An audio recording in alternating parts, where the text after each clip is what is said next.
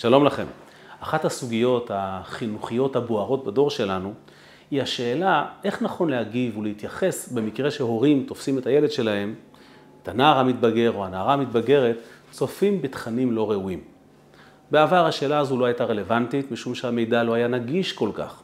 אבל בדור שלנו, כשמגפת המידע מנגישה כל כך הרבה חומרים כאלו, מאוד מאוד קשה להיות משוכנעים שהילד שלנו שמור בצורה הרמטית, ולכן עולה השאלה, אם חלילה נתפס ילד צופה בתוכן כזה, מה צריכה להיות התגובה שלנו? אז לפני כמה שבועות, אחרי ההרצאה, ניגשו זוג הורים ושאלו, הם תפסו את הילד שלהם צופה בכזה תוכן, איך נכון להגיב? אמרתי להם, תראו, אני חושב שהצעד הראשון הוא קודם כל לא קשור לילד, אלא קשור להורים שלו. מדוע? כי אם נחשוב על זה בצורה קרה, הרי הילד הזה, גם אם הוא מעולם לא היה רואה שום דבר שאסור לראות, יכול להיות שהוא חושב על הדברים הללו כדרכם של נערים מתבגרים. למזלנו, אנחנו ההורים לא רואים מה הוא חושב, ולכן אנחנו רגועים. וטוב שכך. חלק מההתמודדות של נער או נערה בגיל מסוים, זה להתמודד עם מחשבות כאלה ואחרות. ואנחנו כהורים לא צריכים להידחף לו לראש, אלא לתת לו את ההגנה מסביב. שיזכור תמיד שיש דברים שהם אתגר, אנחנו הפתרון האתגר, אנחנו לא עוד בעיה בחיים שלו. כשהוא נתפס צופה בתכנים הללו, הוא בעצם בעצם עבר על הקוד של האמון בינינו, כי הוא יודע שאנחנו לא מרשים לצפות בכך. אז כאן המשימה הראשונה של ההורים היא לא להפוך את זה למשהו אישי בינם לבינו. כמו שאין בבית משטרת מחשבות, אני לא רוצה לדעת מה אתה חושב. אני עושה הכל כדי שתחשוב מחשבות טובות. אני מנהל את הבית בטהרה כדי לוודא שהמחשבות של כולם יהיו טהורות, אבל אפילו אם חלפה בראשך מחשבה לא טהורה, אני לא מודע, אני מניח שזה קורה לכולם, נתמודד ונעבור גם את זה. אותו דבר כשילד לא מצליח לעמוד בפני דחף ונחשף לחומר מסוים, אז אני צריך לזכור, זה בסך הכל דחף נורמלי שקיים בו. בגיל מסוים זה אתגר לא פשוט. אבל מה? אני נפגע משום שהאמון ביני לבינו נפגע. וכאן טמון האתגר הכי הכי הכי רגיש. אם ההורה מרגיש שפגעו בו ובגדו בו, ואז נוצר מתח ובקע בין ההורה לילד, זה, זה, זו הסכנה. זה מה שמסוכן, משום שאז הילד מאבד את העוגן שלו, כי גם ילד שמעד וראה תוכן שכזה, הוא זוכר שאבא ואימא מייצגים את האמת, את המוסר, את הטוב, הוא עושה את ההפרדה. זה דבר מגרה, מסקרן, מעניין, אבל רע. אני יודע שהוא רע. הטוב גלום במה שאבא אמר, במה שאימא אמרה. אבל אם ההורים נפגעים אישית מהסיפור הזה, ואז נוצר מתח בין ההורה לילד, במקום שיהיה שיח, שנמשיך ונאמר לו, תשמע, זה דבר לא נכון, זה דבר שיפגע בך, לכן אנחנו מבקשים שזה לא ייעשה. אנחנו גם, אנחנו גם נטיל סנקציות אם זה ייעשה, משום שהדבר הזה הוא, הוא, הוא, הוא, הוא, הוא, הוא רע על הנשמה, הוא מזיק נורא. אבל זה לא יפגום בקשר ובשיח בינינו, ככל יתר האתגרים של החיים. הילד מרגיש מוגן, ולכן הוא ימשיך הלאה עם האתגרים האלה בצורה נורמלית ובריאה. אבל אם אנחנו, מתוך הבהלה שפגעו באמון שלנו, פתאום יהיה מתח בינינו, ילדים עוזבים את היהדות חלילה או את הבית, לא על רקע אתגרים של עבירות. כולנו חוטאים, אלא על רקע רגשי, על רקע נפשי, שנובט בדרך כלל מהמרחק בינם לבין ההורים. וזה הדבר הראשון שהורה צריך להיות ערני. לא להגיע למצב שהאתגר הזה, שהוא בסך הכל נובע מדחף נורמלי של גיל מסוים, מסקרנות, לא יהפוך למשהו אישי בינו לבינם. עכשיו תשאלו, בסדר, מה המקור לתשובה הזו? אתם לא תאמינו, אבל זה בדיוק הדיון שנערך בין הקדוש ברוך הוא למשה רבינו בקשר לעם ישראל. וזה קשור למאורעות השבוע ולפרשת פנחס. השבוע אנחנו מציינים את י"ז בתמוז. בי"ז בתמוז קרה דבר איום ונורא. משה רבינו עלה להר סיני להוריד את הלוחות. כשהוא יורד למטה, הוא רואה שבני ישראל עשו דבר איום ונורא. הם עשו עגל. אין בגידה מכאיבה מזו. ולכן הקדוש ברוך הוא אומר למשה, אני, תניח לי, הנח לי ואני אכלה אותם. אני לא מוכן לקבל דבר כזה, זה הרי בגידה שאין כדוגמתה. לפני כמה דקות עמדנו כולנו ליד הר סיני, ואני הבאתי להם תורה והבאתי את עצמי. מאיפה צץ פתאום העגל הזה? מה זה הבגידה באמון הזו? אני לא רוצה יותר קשר איתם.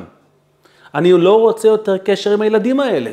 זה ילד, ככה מתנהג ילד, אחרי שהבית כולו יש לו קו מסוים של יראת שמיים, של טהרה, פתאום הוא רואה כאלה דברים, הוא עושה כאלה דברים, אני לא רוצה יותר קשר איתו, אני רוצה לכלות אותו ואת הקשר איתו. המעניין מה עונה משה רבינו. והתשובה נמצאת בהפטרה שנקרא השבוע. השבוע, בשבת, מתחילים לקרוא את ההפטרה, את ההפטרות לקראת תשעה באב, הפטרות הנבואה על החורבן. השבוע בהפטרה נקרא את הפסוקים הללו. ויהי דבר אדוני אלי לאמור, הלוך וקראת, אומר הקדוש ברוך הוא לירמיהו הנביא באוזני ירושלים, כה אמר אדוני, זכרתי לך חסד נעורייך, אהבת כלולותייך, לכתך אחריי במדבר בארץ לא זרועה. מה זה אומר? פלא פלאים. אומר משה רבינו לקדוש ברוך הוא, למה אתה כועס? מה יש לכעוס? למה יחרה אפך בעמך אשר הוצאת מארץ מצרים בכוח גדול וביד חזקה? הקדוש ברוך הוא, למה אתה נפגע מהעובדה שהם עשו עגל? מה אתה נרעש כל כך? אתה לא יודע מה זה גיל 16, אתה לא יודע מה זה גיל הבגרות, מה זה חדש לך, אתה לא יודע מה הטבע שלהם. אתה הרי הוצאת אותם ממצרים בכוח גדול וביד חזקה. למה הפעלת כוח גדול? אני אזכיר לך למה. הרי הקדוש ברוך הוא לא צריך להפעיל כוח גדול, הרי אף אחד לא יכול לעמוד מולו. אתה הפעלת כוח גדול כי הם לא רצו לצאת ממצרים, כי הם היו עובדי עבודה זרה. אתה היית צריך להכריח אותם לצאת, לבטל להם את הבחירה, כי הם היו בוחרים להישאר שם. הם אנשים של עגל. הם שנים שהו במצרים והתרגלו לעבודה זרה. אתה עשית מעשה הפך הטבע שלהם, הוצאת אותם משם, הכרחת אותם להיות שלך. מה אתה נבהל שהם עשו עגל? למה אתה נבהל כל כך, הקדוש ברוך הוא? למה יכרה אפך בעמך? אתה לא מכיר את הטבע שלהם? הקדוש ברוך הוא מקשיב לטיעון הזה של משה רבינו. הוא נענה ואומר לקדוש ברוך הוא, אה, למשה, נכון, אבל זכרתי לך חסד נעורייך. הפסוק הזה בדרך כלל נאמר בנימה כזו רומנטית של אהבה בין הקדוש ברוך הוא לעם ישראל, אבל, אבל רבי נתן אייבישיץ אומר שהפסוק הזה דווקא מבטא את הכאב של הקדוש ברוך הוא. אומר הבורא, אני יודע, אני יודע מה זה להיות יהודי במצרים. אני יודע מה זה להיות נער בן 16 עם הסקרנות והדחפים וההורמונים. אני יודע מה זה. אבל אני זוכר את חסד הנעורים. אני זוכר שאחרי שהוצאתי את עם ישראל למצרים, הם הלכו אחריי כי הם סמכו עליי. כי הם ידעו שאני טוב ומיטיב ואני אשמור עליהם. הם זכרו וידעו מי כאן לטובתם. אז איך הם יכלו לעשות לי את זה? בעצם אומר הקדוש ברוך הוא את אותה טענה של אותו אבא או אימא. אני מבין שזה הטבע של גיל 16, אני מבין שזה טבעי, אבל איך הוא עושה לי את זה? הוא לא זוכר כמה הייתי טוב איתו, מי גידל אותו, מי טיפח אותו, מי דאג לו. זכרתי לך חסד נעורייך, אני זוכר כמה הייתי טוב אליך. כמה, כמה, כמה, כמה אני אוהב אותך, כמה אהבתי אותך. איך יכולת לבגוד בי ככה? עזוב עבירה מצווה, האמון בינינו נפגם. זה בדיוק הטענה של הקדוש ברוך הוא, זה בדיוק הרגש האלוקי. זה מה שאומר הקדוש ברוך הוא למשה רבינו. טענה חזקה מאוד. עונה משה לקדוש ברוך הוא, קודש ישראל להשם, ראשית תבואתו. משה אומר טענה נפלאה לקדוש ברוך הוא. הקדוש ברוך הוא, למרות כל מה שאמרת, ואתה צודק, אל תהפוך את זה למשהו אישי בינך לבינם. מדוע? כי עם ישראל הוא ראשית התבואה. מה זאת אומרת? אנחנו יודעים, יש כלל שאומר כל ההתחלות קשות. למה כל ההתחלות קשות? יש כלל שאומר שכל דבר ראשון, יש בו איזה תענוג מיוחד, איזו השקעה מיוחדת, ולכן גם האתגר שלו הוא אתגר מיוחד. למה התורה ציוותה להביא את הפירות הראשונים כביקורים קודש להשם? למה התורה ציוותה לקדש כל פטר רחם, כל בכור פטר רחם, זה שנולד ראשון מהרחם? למה כל דבר ראשון, ראשית הריסותיכם, תרימו תרומה להשם? כי הדבר הראשון יש בו עונג מיוחד.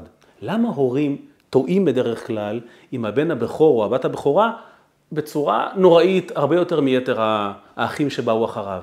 כי הוא ראשון, כי ההתרגשות גדולה, כי הציפייה אדירה, וכשהציפייה אדירה עושים שטויות ועושים טעויות. למה השנים הראשונות של בני זוג כל כך מאתגרות, אבל אחרי 20 שנה יחד נהיים חברים טובים?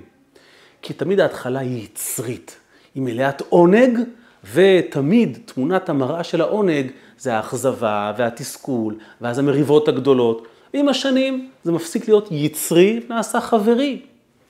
אומר משה לקדוש ברוך הוא, אל תיקח את זה אישית. אתה הרי אמרת, בני בכורי ישראל. עם ישראל זה ראשית התבואה, זה הבן הבכור שלך. טבעי שעושים טעויות. הוא לא בגד באמון שלך, זה הטבע. הטבע הוא שכל דבר ראשוני זה יצרי, זה מבלבל, זה חדש, ועוד לא יודעים. אז זה, זה שאתה אומר לקדוש ברוך הוא, איך הם עשו לי את זה? אני מבין שהטבע שלהם מושך לכיוון עבודה זרה, אבל הם לא זוכרים כמה הייתי טוב עליהם. אומר משה רבינו, אבל זה הבן הבכור שלך, ותמיד עושים טעויות. ותראה איך אתה נבהל לקדוש ברוך הוא, מה נבהלת? כמו שאתה נבהלת, גם הם עדיין הולכים לאיבוד בתוך הציפייה הגדולה שלך. כי הרי אנחנו יודעים כהורים שהציפייה מהבן הראשון, שהוא יושיע את העולם. והבן האמצעי וזה שאחריו, העיקר שהוא נושם זה מספיק. אומר משה לקדוש ברוך הוא, זה פשוט הציפייה שלך מהם, היא גורמת לך ככה להתרגש. אבל אם תחשוב על זה בצורה תבונית, טבעי, טבעי שעושים טעויות. אומר רבי נתן אייבשיץ, זה הכוונה, ראשית תבואתה, כל אוכליו יאשמו. אל תאשים אותם, תאשים את הבלבול, את חוסר הניסיון, את היצריות של ההתחלה. ומכאן בעצם אני גוזר את התשובה שאמרתי לאותם הורים. הילד נתפס צופה בדבר כזה, הבעיה הראשונה היא שאתם חשים נבגדים, אל תחושו נבגדים. טבעי שילד עושה כזו עבירה, זה לא בסדר, זה כמובן דבר שצריכים למצוא את הדרך שלא יקרה שוב, אבל אל תחושו נבגדים ואל תגיבו אישית מול הילד. טעויות, טעויות של מתחילים, כולנו מתחילים. בטח בגיל הזה הוא עוד חדש בעולם, ואתם עדיין, עדיין, עדיין נמצאים בשלב הראשון של החיים, אתם עוד לא סבא וסבתא לעשרות נכדים. החיים מתחילים, זה ראשית התבואה, טבעי שיש כאן יצריות גדולה, ולכן נפילות גדולות. זו הסיבה למשפט המפורסם שמופיע בגמרא, במסכת סוכה, כל הגדול מחברו, יצרו גדול הימנו. למה הגמרא אומרת כל הגדול מחברו? אפשר פשוט לומר, כל הגדול יצרו גדול. מה זה חשוב, חבר, לא חבר? מי שגדול יותר, יצרו גדול יותר. כל הגדול מחברו יצרו גדול. יש כאן משהו עם חבר. התשובה היא, יש קשר חברי ויש קשר יצרי. כשהקשר הוא חברי ולא יצרי, זה קשר רגוע, קשר שלב, גם אין ציפיות גבוהות מדי, לכן גם אי אפשר לבגוד באמון. הכל כזה על מי מנוחות, בדרך כלל זה זוג שחיים עשרות שנים יחד, מכירים אחד את השנייה, לא מופתעים משום דבר, זה נהדר. אבל זה אף פעם לא מתחיל כך. אף קשר עמוק לא מתחיל מסתם חברות. קשר עמוק מתחיל מיצריות גדולה, מהפכים שמתחברים, מבלבול, מחדשנות, מראשוניות. אומרת הגמרא בעצם, כל הגדול מחברו. אם אני לא סתם בקשר איתך, אני יותר גדול מסתם חבר. אני הבן הבכור שלך. אני אשתך הראשונה. אנחנו בשנים הראשונות של זוגיות. או כל דבר שהוא ראשוני, שם יצרו גדול. שם יש יצר, והוא בוער, והוא גדול. לא צריכים להתרגש מכך. יחלפו השנים, תתיישב הדעת, והיצר לטוב ולמוטב יחלוף. זאת אומרת, כשנער בן 16-17, או לא חשוב, או, או בגיל נמוך יותר, לא עומד בפיתוי ורואה מה שרואה, זאת תקופה יצרית מאוד. הוא לא חבר של ההורים שלו, הוא בן שלהם, והיצר חזק מאוד. זה רק סימן שהוא בריא בנפש. זה סימן שכל המערכות אצלו תקינות. זה שהוא לא הצליח לעמוד בפיתוי, אנחנו צריכים לעזור לו, אבל זה אומר שהוא נורמלי. ובינינו, מי לא עובר עבירות מדי פעם? ויותר מזה, הרי ההורים לא יודעים מה הילד חושב.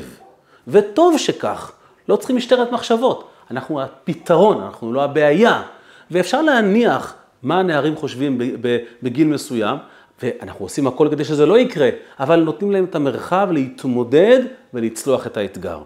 זה מה שכתוב, כל הגדול מחברו. אם הוא חבר שלך, מה אכפת לך ממנו? גם אם הוא יעשה עבירה, זה לא מעניין אותך. אבל אם הוא גדול מחברו, זה הבן שלך שעשה את זה, בן הזוג שעשה את זה, איך הוא עשה לי את זה? אומר משה לקדוש ברוך הוא, אל תשכח, בני בכורי ישראל, אל תיקח את זה אישית. אתה נרגש מהאירוע הזה, אבל זה לא אומר שהם לא בסדר. אה, תאוות, עולם הזה, בן ראשון, התרגשות, קורה. ובאמת הקדוש ברוך הוא מקשיב למשה וסולח לנו, וזה פלא נפלא איך משה מסביר לקדוש ברוך הוא את הפער הזה בין הראשוניות הזאת לבין המעשה. ו, וזו הסיבה, יש סיפור מופלא בגמרא במסכת אה, סנהדרין, שמספרת על רב אשי, האמורה הדגול, שמסר שיעור על מנשה המלך. גם הוא קשור לי"ז בתמוז, כי יש דעה שהוא המלך שהעמיד צלם בהיכל, העמיד אה, פסל נוראי בהיכל. המלך מנשה היה אחד האנשים הרשעים בהיסטוריה היהודית. ורב אשי הקדוש והצדיק עמד למסור עליו שיעור, אז הוא רצה להחמיא לו, הוא רצה לומר דברים טובים עליו. אז הוא אמר לתלמידים שלו, היום נדבר על חברנו מנשה. הוא אמר חבר, כי הוא לא רצה לומר על המלך הרשע המרושע, אז הוא אמר חבר, הוא הניח שזה קומפלימנט. אומרת הגמרא, הגיע מנשה בחלום לרב אשי ונזף בו, תגיד לי, אני, אני חבר שלך? מי אתה שתקרא לי חבר? רב אשי נורא התבלבל, כי הוא חשב שמדובר על רשע מרושע, והוא חשב שזה רק משדרג אותו. אמר לו, רב אשי, אני מתנצל, אבל אני קראתי שהיית רשע מרושע, העמדת צלם בהיכל, עשית דברים נוראים. אמר לו מנשה, בוא נראה מי גדול יותר בהלכה. תאמר לי אתה, רב אשי, על איזה פיסה מהלחם מברכים? כשאתה לוקח לחם ורוצה לאכול אותו, על איזה חלק מהלחם מברכים? אמר לו רב אשי, אני לא יודע, נראה לי שאין הבדל, כל החלקים בלחם שווים. אמר לו מנשה המלך, טעות בידך. מברכים על החלק הראשון שנאפה. המקום הראשון שנקרמו פני הלחם, שנהיה זהוב, עליו מברכים. רב אשי נדהם, הוא לא חשב שמנשה יודע תורה יותר ממנו. אז הוא אומר למנשה, אני לא מבין, אז אם אתה כזה רב גדול, למה כתוב שעשית כאלה עבירות? למה כתוב שנכשלת כל כך? אמר לו מנשה, לו חיית בזמני, היית רץ כל כך מהר לעבוד עבודה זרה, עד שהיית מרים את שולי הגלימה שלך כדי לעבוד עבודה זרה. סיפור מופלא שמלמד הרבה, אבל מה שמעניין, מה הקפיץ את מנשה המלך? שרבשי קרא לו חבר. מה אכפת לך? מה רע במילה הזו? אם רבשי היה אומר, רשע מרושע מנשה, באמת מעליב. הוא בסך הכל קרא לך חבר. מה מעליב בכך שהוא קרא לך חבר? התשובה היא, אומר מנשה המלך לרב אשי, כשאתה קורא לי חבר, אתה יוצא מתוך הנחה שהקשר שלי עם הקדוש ברוך הוא היה קשר כמו שלך, קשר חברי. חלפו שנים, הציפיות ירדו, הרי עם הדורות עם ישראל יורד בהשגה שלו, יורד בקדושה שלו, ואז גם הציפייה יורדת, נהיים בסך הכל חברים. אתה עושה מה שהוא רוצה פחות או יותר, והוא רוצה מה שאתה עושה, כמו, כמו בן זקונים, כמו ילד חמישי, כבר אין כזו ציפייה כמו, כמו מה, מהבן הבכור. ואז אתה אומר, איך אתה עושה עבירה כזו, איך אתה משתחווה לפסל. אומר מנשה לרב אשי, אני לא חבר, אני לא חבר, אני גדול מחבר, כל הגדול מחברו. אני בתקופה שהיינו בני בכורי ישראל, כל כך קרובים, כל כך ראשוניים, כמו בן בכור, שכל הטעויות נעשות עליו. דווקא הקרבה להורים, הציפייה הגדולה שלהם ממנו, הם גורמים לכל תקלה להיראות כאילו נחרב העולם. אל תקרא לי חבר, אני מהתקופה הראשונית, אני מזה שיצרו גדול. היצר היה כל כך חזק, כי ההשגה הייתה גדולה, כי הציפייה הייתה גדולה, ולכן לעולם לא תבין מה שחוויתי. וזו הסיבה שמנשה המלך בוחר דווקא את ההלכה עם הלחם. כי בעצם, מה הוא אומר לרב אשי? על מה מברכים? על החלק הראשון שנאפה. כמו שעם הבן הבכור עושים את כל הטעויות, הבן הראשון, כמו שהפירות הראשונים מוכרחים להביא אותם ביקורים, כי אחרת גם בהם אפשר ליפול. הקליפה והטומאה יתלבשו עליהם, החתיכה הראשונה של הלחם, תקדיש אותה לקדוש ברוך הוא, כי יש שם פוטנציאל יצרי שעדיף להישמר מפניו. ולכן, מה אנחנו לומדים בכל הסיפור הזה? שאנחנו חיים במצב שבו נער צעיר מועד ונופל ועושה כזה דבר נורא ואיום, לא לקחת את זה אישית. אלא מה?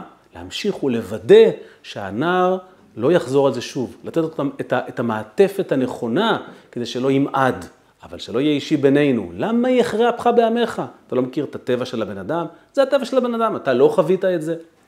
ונסיים בכך שזו הסיבה שבפרשתנו, כשהקדוש ברוך הוא בפרשת פנחס מונה את כל המשפחות שזוכות להיכנס לארץ, אז אם תקראו את הפרשה תראו שהתורה מביאה את כל השמות של, משפ... של המשפחות של השבטים, משפחות שבט ראובן, משפחות שבט שמעון, והתורה מוסיפה להם ה' וי'. לשאול, משפחת השאולי, לזרח, משפחת הזרחי. למה? אנחנו יודעים שמה שמחבר בין דברים זה האות ה' והאות י'. איפה למדנו דבר כזה? מאיש ואישה. איש ואישה זה אש ואש, זוג להבות. מה הופך אותם לזוג? אלוקים נותן לאיש את היוד ולאישה את ההי. י' ק' זה שמו של הקדוש ברוך הוא, רק הוא מחבר את שני ההפכים הללו. וכך הם נהיים איש ואישה. גם כאן, המשפחות הללו שעמדו להיכנס לארץ, אמר הקדוש ברוך הוא, אני שם על כל אחד את החותמת שלי, את ההי ואת היוד. השאולי, הזרחי, ה' וי'. מי דאג שיהיה לנו ה' וי'? אז כתוב שאת ה' הביא יוסף הצדיק. יוסף הצדיק היה הראשון שנאבק על טהרת היהדות כשהוא נמלט לאשת פוטיפר, ולכן הוא קיבל את האות ה'. איך כותבים יוסף עם ה'? כתוב בתהילים, עדות ביהוסף שמו. יהוסף. עדות ביהוסף. זה הה' שקיבלנו מיוסף הצדיק. איפה קיבלנו י'? תסתכלו בחומש ותראו שהשם פנחס מופיע בכתיב מלא עם י', כי גם פנחס קינא לאלוקיו והרג את זמרי ואת כוזבי בצור למען טהרת עם ישראל.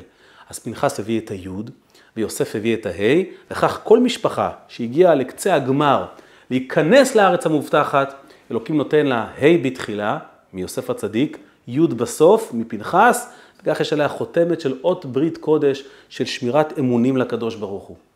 ולמרות שבני ישראל עשו את העגל, ולמרות שנשברו הלוחות, בזכות משה רבינו שאמר לקדוש ברוך הוא, למה יחרה אפך בימיך, גם אלה זכו להיכנס בסופו של דבר לארץ עם, ה, עם, ה, עם האישור של הקדוש ברוך הוא. זה אגב הסיבה, יש פסוק שאומר, היושבת בגנים, חברים מקשיבים לקולך. אומר רש"י, מי אלו החברים? אלו המלאכים. היושבת בגנים, אלו נשמות ישראל. מי מקשיבים לנו? המלאכים. המלאכים נקראים חברים, הם חברים של הקדוש ברוך הוא. אין ציפייה גדולה מהם, לכן הם גם לא יכולים לאכזב כל כך. אבל אנחנו הבן הבכור של הבורא, ועם בן בכור תמיד יש תקלות. ולכן, גם אם הילד חווה נפילה ועשה מעשה שציפינו שהוא לא יעשה, אנחנו צריכים לזכור, אנחנו כאן כדי להיות התשובה לבעיה ולא להוסיף לו עוד בעיה לחיים. טבעי ונורמלי והגיוני שאדם נסחף אחרי תאווה, אחרי דחף, אבל אסור לנו לאבד עשתונות ולהפוך את זה לסוגיה אישית בינינו. כמו שמשה רבינו ידע לומר את זה לקדוש ברוך הוא, כך כל אחד מאיתנו צריך לומר את זה לעצמו. ואז בעזרת השם נזכה שבמקום י"ז בתמוז, שנצום על שבירת הלוחות ועל חטא העגל, נזכה לגאולה שלמה, שבה נקבל את הלוחות הראשונים שכתוב שהם היו דברי קבלה. הייתה תורה כל כך נשגבה, שלא היינו ראויים לקבל אותה, לכן הם נשברו. אז משיח יבוא, ידביק את שברי הלוחות מחדש, ונזכה לקבל תורה חדשה בגאולה השלמה, תכף ומיד, ממש.